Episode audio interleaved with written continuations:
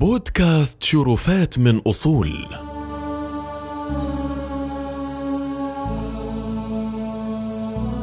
استوحيت هذه الحلقة من كتاب مات الراوي وبقيت الذكريات بقلم الدكتور عبد الرحمن بن معاضة الشهري. وقد اختصرت وعدلت بما يتناسب ومقتضيات الإنتاج الصوتي.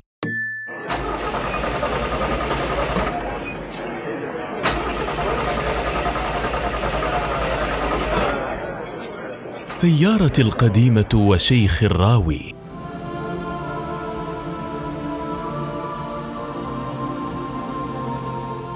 عرفته من خلال برنامجه الإذاعي حديث القرآن عن القرآن وكان لقاء الأول به في مرحلة الماجستير عامي 1415 و1416 للهجرة في كلية أصول الدين بالرياض. كان رئيسا لقسم القرآن وعلومه في الكلية ما يقارب عشرين سنة وكان حافظا متقنا للقرآن لكثرة مراجعته وتدبره. وكنت أحبه وأجد لكلامه صدى في نفسي ولصوته عذوبة في روحي. وكثيرا ما كانت تخنقه العبرات وهو يتلو آيات القرآن. سألني ذات مرة عن اسمي فقلت عبد الرحمن. فقال على اسم والدي رحمه الله فعرفت أن اسمه محمد بن عبد الرحمن الراوي. لا أنسى كلماته لي ذات يوم من أيام الصيف الحارة جدا في الرياض. يومها لقيته في الكلية فطلب مني أن أوصله في طريقي إلى منزله.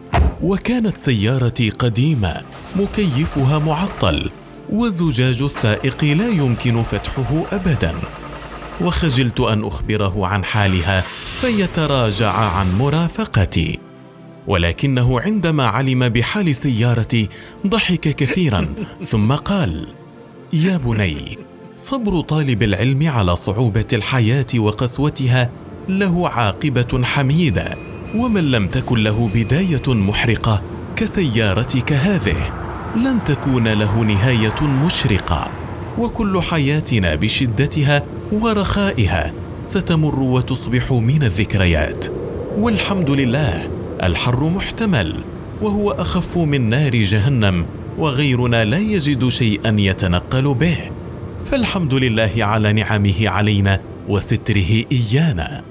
وكانت متعة حديثه يومها بردا خفف علينا حر الطريق. رحم الله الشيخ محمد ابن عبد الرحمن الراوي لم يزل داعيا إلى الله بعلمه وأخلاقه حتى لقي ربه غير مغير ولا مبدل وذلك في صباح يوم الجمعة الموافق للسابع من رمضان سنة 1438 للهجرة عن عمر ناهز ثمانية وثمانين عاما.